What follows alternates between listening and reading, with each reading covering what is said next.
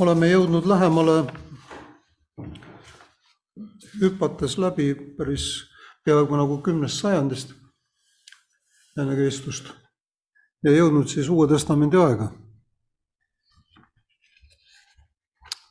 Uue Testamendi aeg ehk Jeesuse kaasaeg ja, ja tema õpilaste järgijate aeg. siin juba tuleb see sõna diakoonia esile.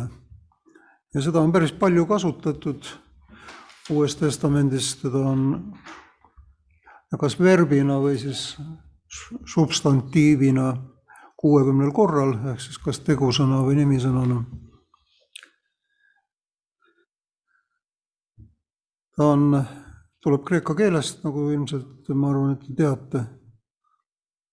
ja algselt on teda kasutatud siis teenimise tähenduses, aga veel spetsiifilisemalt äh, lauas teenimise tähenduses. ja võib vaadata Luuka evangeelium kaksteist ja seitseteist ja võib Johannese kaksteist vaadata ja nii mõneski teises kontekstis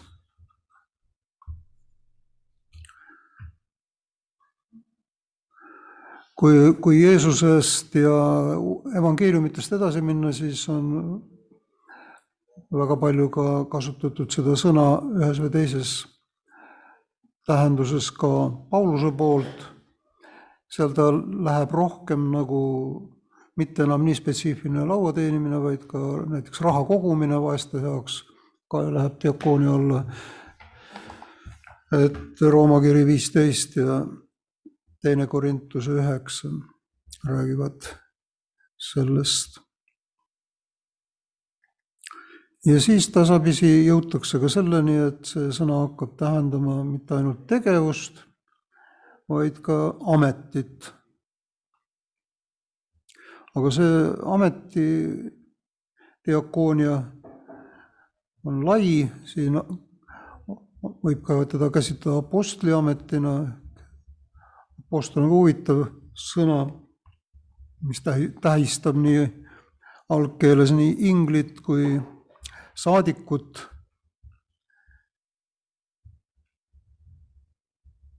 ja seda sõna kasutatakse siis ühes või teises vormis nii meeste kui naiste suhtes.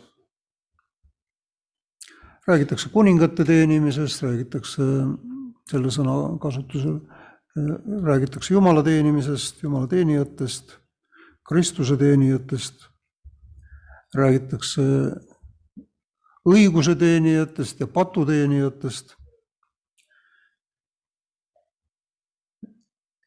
ja selle ameti loomise lugu on leitav Apostlite tegude raamatust.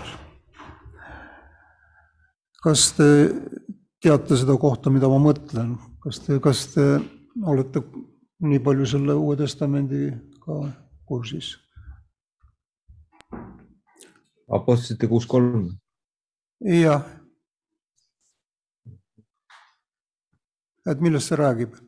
räägib sellest, kuidas, kuidas korraldati hoolekannet koguduses ja seda pidid tegema needsamad Jeesuse kõige lähemad õpilased. ja neil hakkas see üle jõu käima seoses äh, sellega, et äh, oli palju väljarännanuid Rooma impeeriumi aladele, kes siis olid mingil kombel kas hukka saanud või olid nende töövõimalused seal ammendunud või ärivõimalused ja nende naised hakkasid tulema tagasi kodumaale.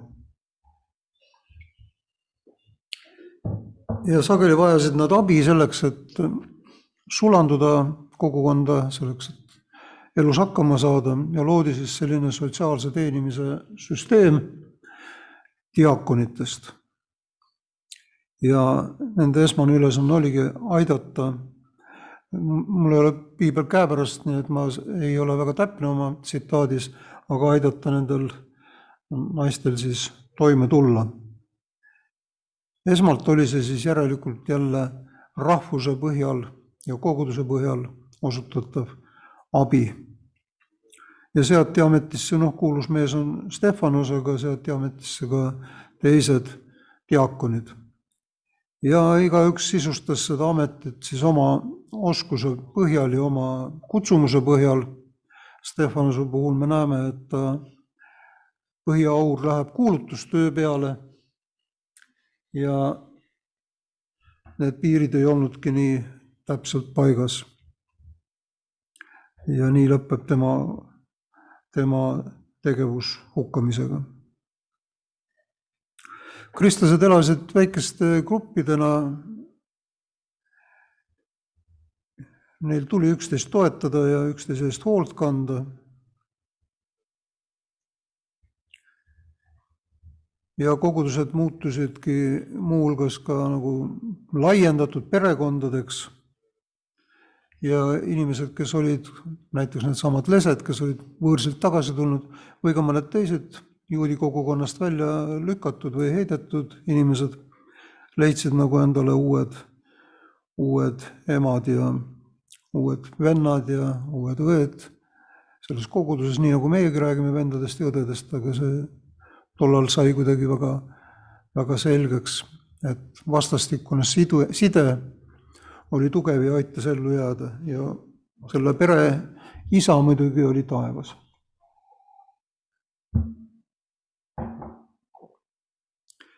Esialgu on abi, nagu ma ütlesin, rahvuslik ja usulisel põhjal toimiv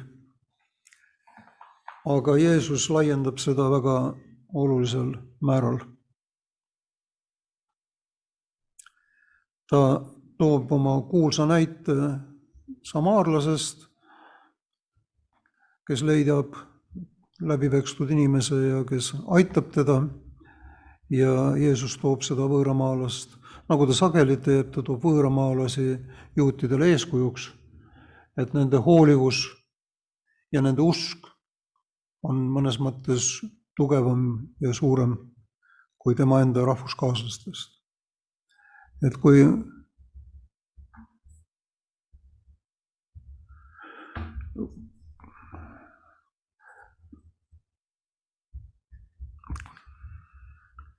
kui Johannes kirjutab meile, et me teame, et me oleme tulnud surmast elusse, sest me armastame oma vendi, siis siis on veel ebaselge, kas need vennad on kõik ühest, ühest nii-öelda rahvusest, ühest kogukonnast pärit. ja tõenäoliselt on, aga Kristus on jätnud oma elu meie kõikide eest ja selle tõttu laieneb nagu venna armastuse väljakutse kõikidele inimestele. Jeesus ise on siin eeskujuks, kogu tema elutöö on teenimise töö ja armastus, armastus lõpuni, mis väljendub siis ristil. ja ta ütleb, Paulus on meil selline inimene, kelle Jeesuse ja Pauluse kuulutus on peamises küll sarnane, aga kui Jeesus kuulutab peamiselt Jumala riiki ja ligimese armastust, siis Paulus rõhutab, et kuulutuse keskmes on risti löödud Jeesus ja kui keegi peaks kuulutama mingit muud evangeeliumi, siis see tuleb valeks arvata. aga siiski selle tingimusteta armastuse nõude toob ka Paulus oma kirjades väga välja, noh, te teate kõik kindlasti seda esimest Korintuse kirja armastuse kiitust, armastuse ülemlaulu, aga diakooniliselt vaadates kõikvõimalikele armastuse proklamatsioonidele või kuulutamisele peab sellele lisanduma tegu. kõige rohkem räägib sellest, kas just kõige rohkem, aga palju räägib sellest Jaakobus, aga teo olulisust rõhutab ka Jeesus ise. ja kui ei ole kui ei ole armastust, siis on tegu tühine, et ma ei taha kindlasti siin nagu propageerida sellist tegudega enese õndsaks ostmist. küll aga peab tegu tundest välja kasvama.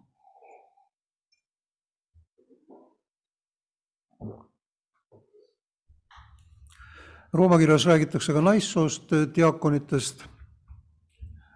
on üks Foibe Rooma kiri kuusteist.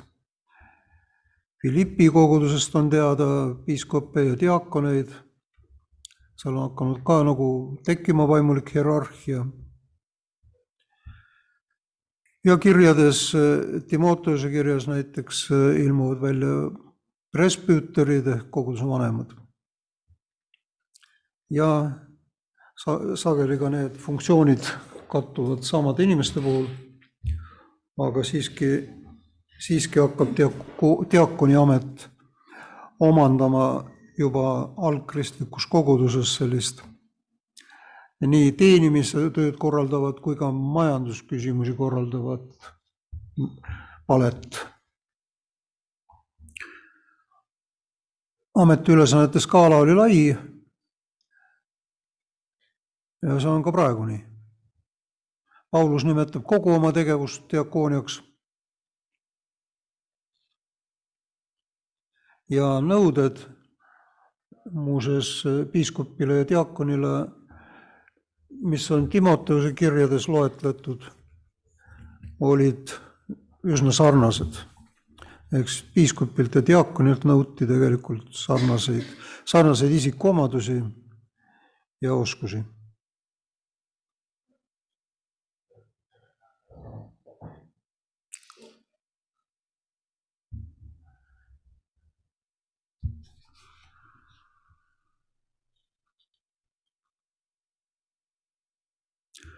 kõik tollased kogudused elasid sellises õhkkonnas, et nad ei tea, kui kauaks neid on. oodati Jeesuse taastulemist, kuulutati lähenevat maailma lõppu apokalüpsist, mis peaks nagu kõrvaldama, huvitav on, et see sõna tähendab tegelikult katte kõrvaldamist ja see ei ole lihtsalt lõpp, vaid see on mingisuguse uue selguse saavutamine asjade teistmoodi nägemine, uus, uus olukord, kus ollakse.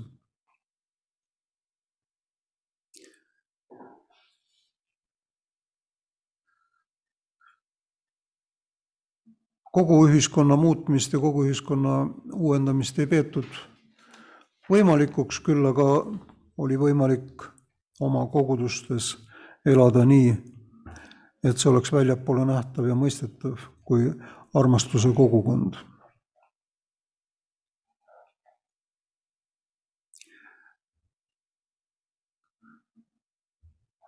esimeste kristlastega võrreldes on meil muidugi tänapäeval olukord hoopis teistsugune ja me peaksime sellest lähtuvalt rohkem ja rohkem praktilise hoolekande kõrval võtma eeskuju ka nendest prohvetitest, kes tegelesid poliitilise diakooniaga.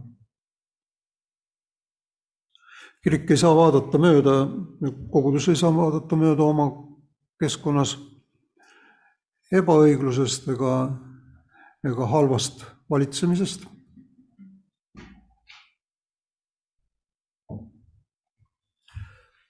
ja te, peab tegema nii palju, kui temast sõltub, olukorra muutmiseks paremaks ja õiglasemaks. inimesed meie ümber on meile antud selleks, et me saame neid edasi viia oma usuga, oma eluga, oma praktiliste tegevustega.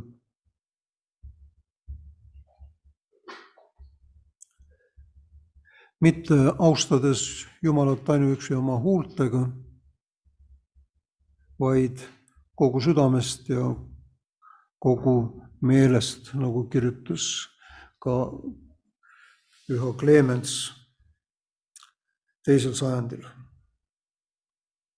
diakoonia on lisaks sellele, et on olema, on amet tegevus, on ta hoiak, hoiak ja elulaad.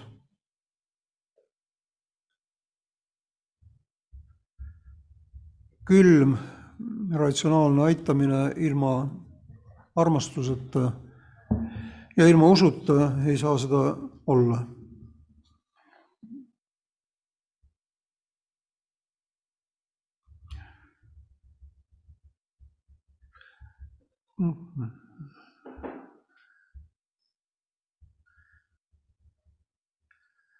Eestis hakkas, ütleme nii veel, et, et kui, kui Uue Testamendi diakoonia oli siis hoolekanne oma lähedaste puudust kannatavate eest ja kiriku ja koguduse tunnus oli armastus selle liikmete vahel, mis väljendus praktilistes tegudes, siis ajaloo jooksul hakkasid tekkima ka spetsiifilised hoolekandega tegelevad asutused ja organisatsioonid.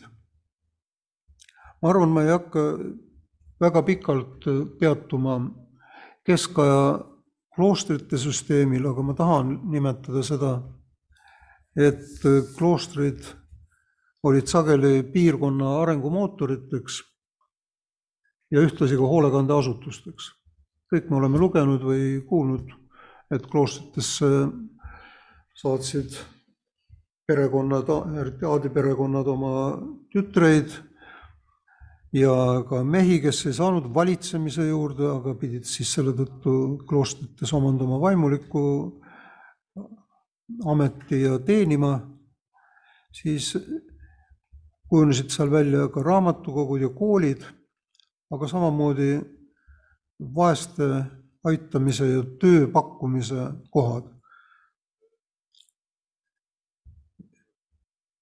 kui meenutada veel kord Rooma riiki, siis Rooma riigis sai ju Kristusest riigiusund peaasjalikult selle tõttu, et kristlased tegid seda, mida teised roomlased ja muud rahvad ei tahtnud teha, ehk siis kui olid suured katkud ja suremus oli kõrge, siis kristlased osutasid abi haigetele ja matsid surnuid ja see oli üks oluline põhjus, räägitakse küll Konstantinuse nägemusest, kes nägi taevas ristimärki ja kuulis, et selle risti all sa võidad, ilus lugu, aga ma arvan, et seesama praktiline heategevus, see praktiline hoolekanne, millega kogudused paistsid silma tollase võistleva maailma keskel, oli siiski olulisem.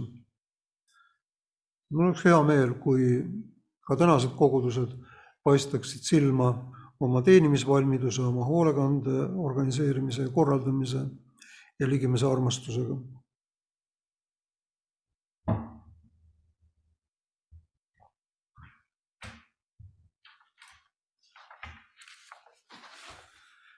keegi tahaks midagi lisada või küsida selle algkoguduse diakoonia ja siis ka sealt edasi keskaegse diakoonia tegevuse kohta või selle mõiste arengu kohta. mind täiendada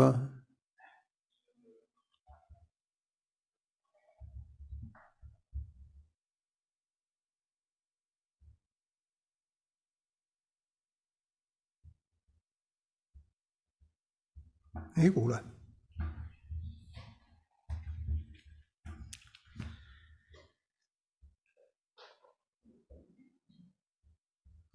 palju räägitakse Jeesuse suurest missionikäsust. minge kõike maailma ja tehke. ma lõpetakski selle sõna, sõnaga tehke, sest ta ütleb küll, jätkab, et tehke jüngriteks kõik rahvad. aga, aga oluline on see, et me läheksime maailma ja teeksime midagi oma ligimeste heaks. ehk siis ristiusk on kuigi, kuigi on olnud olemas ka teistsuguseid voolusid, aga ta on oma olemuselt sotsiaalne, ta on oma olemuselt avatud ja enesesse kaasav usk.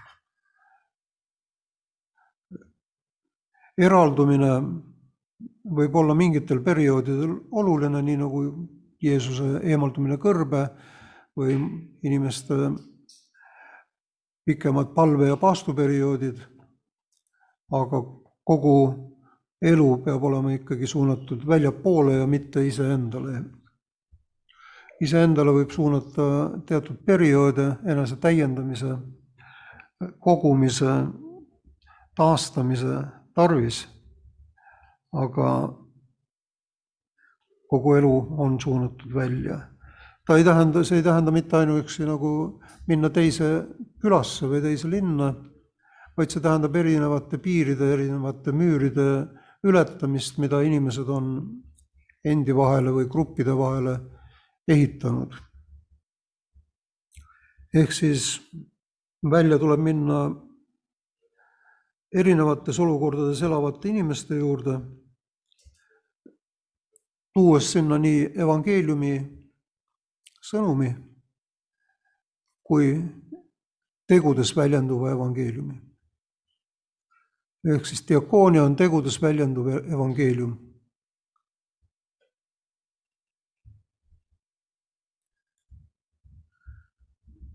Jeesus andis oma järgijatele elumudeliks või eeskujuks teeniva armastuse ja vastutuse oma ligimese eest. see teenimisvalmidus peab arvestama neid kohalikke vajadusi, mis on seal, kuhu ristinimene oma elus jõuab. ehk siis me ei pea tegema mitte seda, mis meile endale kõige rohkem meeldib ega ka mitte arvama, et kõikidele mõjub üks ja sama, et kõikidele haigustele mõjub üks ja sama ravim, vaid me peame oma abi suunama nendele reaalsetele vajadustele, mis kohapeal on ja selleks ise jätkuvalt juurde õppima. ka praegune kriis paneb meid sellesse olukorda, et me peame rohkem ja rohkem õppima ja omandama uusi pädevusi. selleks, et äh, jagada ja kanda koormat koos nendega, kellel on raske, kes on alla surutud, kes on ahistatud, kes on sunnitud oma maalt põgenema ja kelle inimväärikus on kahjustatud sageli.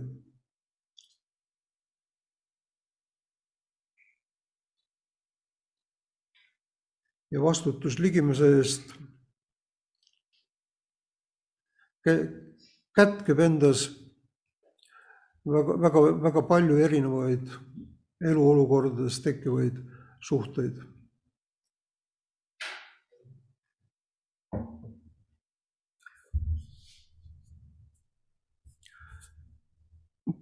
Keegi kirjutas äh, sellele Postitile seal Messengeris enne et, et diakoonia on äh, hol-, holistiline. ehk kui Jumala armastus on väljendunud holistilisel teel, nagu ma püüan seda konarlikult tõlkida. See tähendab, et see on terviklik ja see tähendab ka seda, et inimene on terviklik hinge, ihu ja vaimu ühtsuses. ja see, mida me pakume, püüdes olla abiks peab olema suunatud kõikidele nendele tahkudele ehk siis sellele terviklikule hingele, inimesele. inimene on kehalis-hingeline tervis, tervik ja tema hingelised vajadused, tema kehalised vajadused on mõlemad võrdselt olulised. ajaloos on tehtud korduvalt sellest reeglist kõrvalekaldumisi, kui on väärtustatud kas ainult hingelist poolt või ainult ihulist poolt, aga see, selline lähenemine toodab ühekülgseid ja mitteterviklikke inimesi. inimene on Jumala pildiks loodud ja sellepärast tuleb iga ainulaadsust austada ja leppida erinevustega, mis meil on.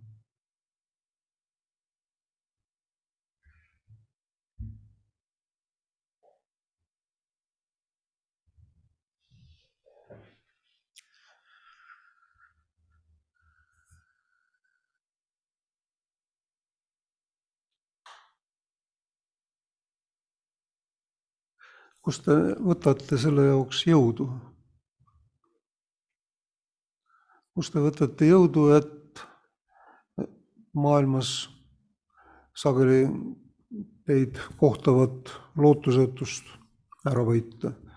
et ma tean küll, et te vastate usust, aga mul oleks hea meel, kui te suudaksite seda kuidagi ka teistmoodi väljendada. et mida see tähendab, kui te ütlete, et usk annab mulle jõudu? kas keegi, keegi tahaks öelda, mida see tähendab, mida sa tegelikult mõtled, kui sa, kui sa nii ütled? Я могу сказать за себя, что вера, вот как Яков говорит, что она подтверждается делами. И не отдав себя в рабы Богу, то есть не имея откровения того, что я не, не принадлежу себе, а я его, куплена для него и им. А Я не смогу служить людям с полной отдачей. Вот вы сказали, что любовь – это основание всех дел.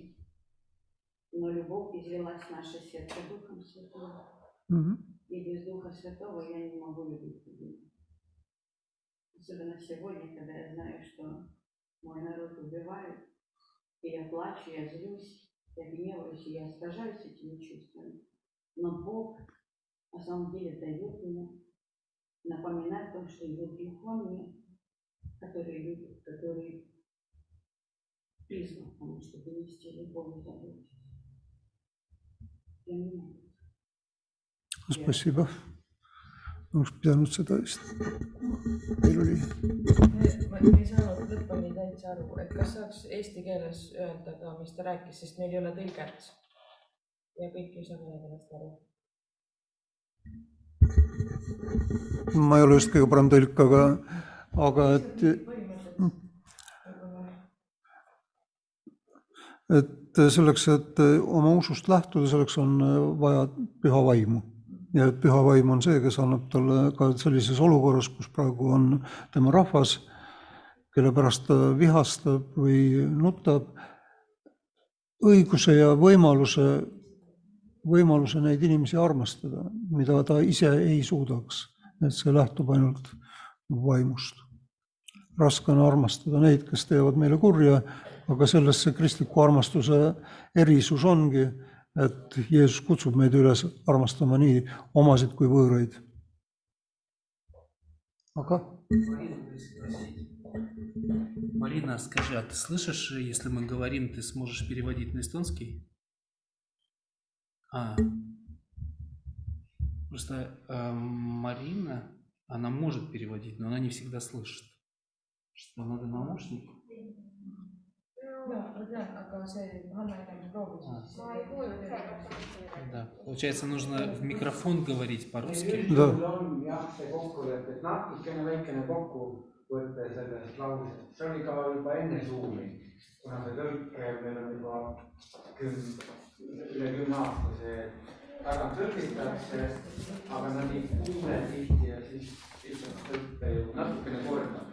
Mhm. Jah, eks ma püüan, eks ma püüan, aga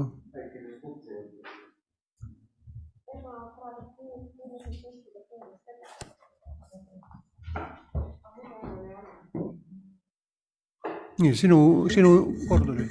äh, mina võib-olla oma töö juures või noh, ma töötan meditsiinivaldkonnas ja, ja ma, see ei ole küll võib-olla otseselt, ma ei saa seda nimetada diakooniatööks, aga, aga ma arvan, et seal tuleb nagu esile samu katsumusi.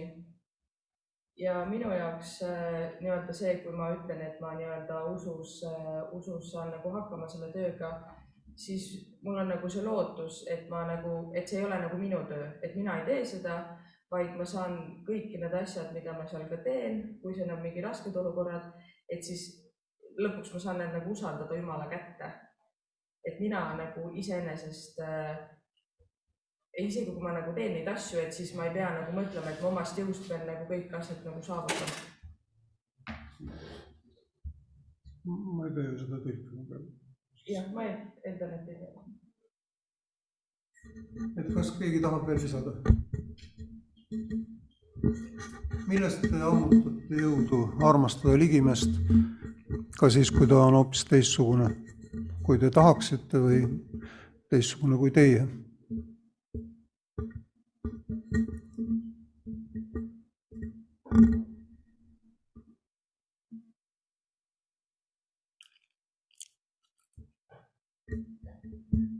keegi ei taha tunnistada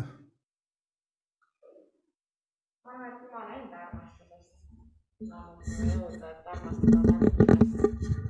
sest noh, me kõik oleme patused ja teeme noh, halbu asju, aga ta ikkagi armastab meid, et siis nagu ta noh, nagu kui me armastame nagu Jumalat, siis me ammutame temalt seda armastust, et armastada teisi, keda Jumal on ka loonud. nii.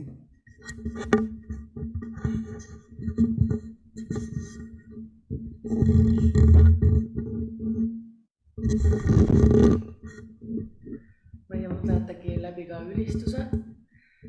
et, et see on üks koht, kus mina noh, kuna ma tegin, olen ise ka ülistuses, siis minu jaoks on väga oluline see ja kui ma tunnen, et tõesti nagu väga raske on ja siis ma ei, noh, ma ei, kuulan ise ülistust ja ma nagu mõtlengi, et olen nagu osaduses Jumalaga, et ja ma võiksin näha nii, nagu tema näeb.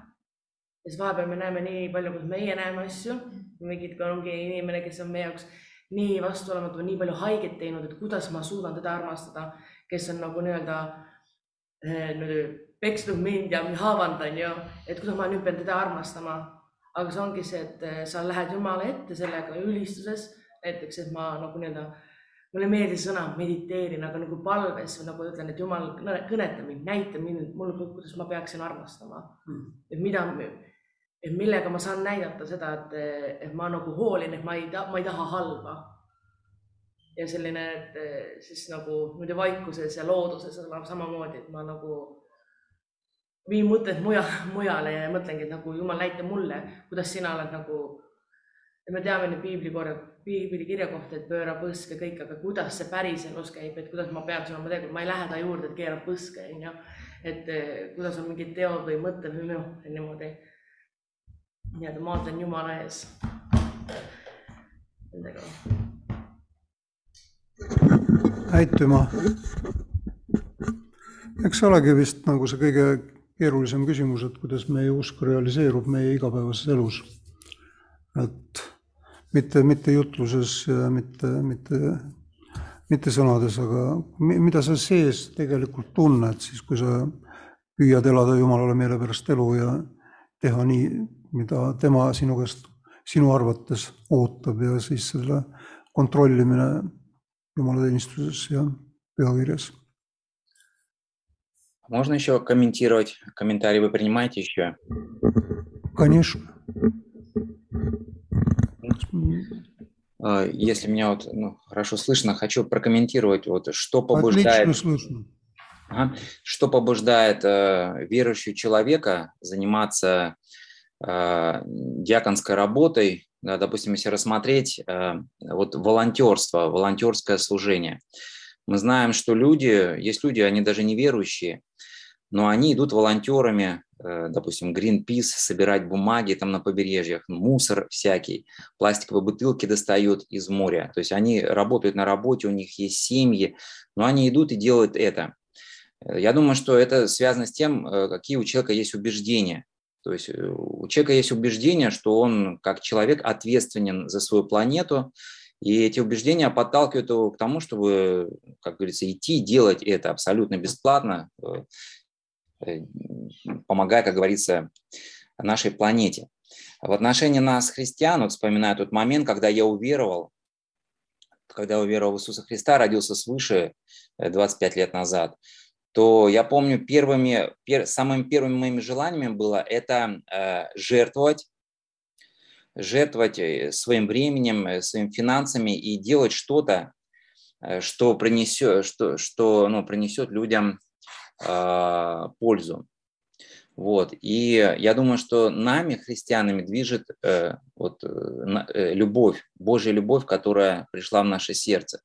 То есть, ну, как бы мы готовы делать то, что невозможно человека заставить делать. Ну, знаете, э, человек, представляете, он, он э, готов помогать, готов жертвовать, э, готов, готов быть волонтером и ну, в долгосрочной перспективе. И такое возможно только если у человека есть очень сильные-сильные убеждения. То есть есть разные там религиозные, есть разные религии, да, и люди готовы там намного, но я в христианском контексте нами движет любовь Божия. То есть почему я это делаю? Потому что мною движет э, Божья любовь. Если бы мое сердце было равнодушным, то никто не может меня заставить что-то делать. Я не имею никаких юридических э, обязательств перед церковью, перед пастором. Я никому ничего не должен, ну, фактически по факту. Но я делаю да, и делаю, могу свои финансы на это тратить только лишь потому, э, что Божья любовь, она пришла в мое сердце. Поэтому мы начинаем помогать людям э, в христианском контексте, как будто это движет нами. Божья любовь, она движет нами. Отсюда исходит все остальное служение и диакон, диаконское вспоможение, как мне кажется. Спасибо. Spasibo, kas, kas ma peaksin seda tõlkima või see oli arusaadav? sinul ei ole kõrvaklappe, ma näen, aga sa oled? Sinul?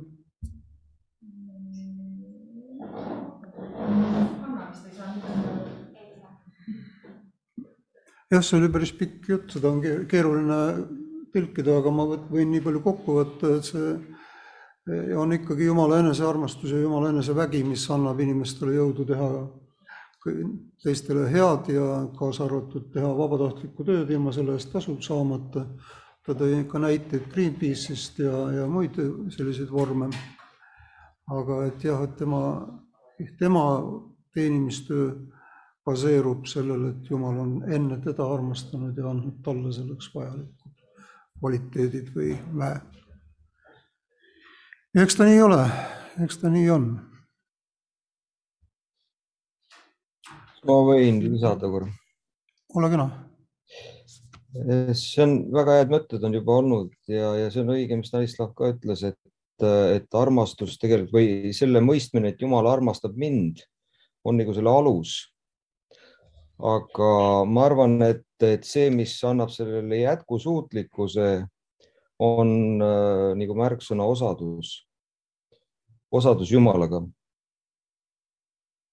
et see võib-olla on see, mis on see, see energiaallikas või, või selle jõuallikas.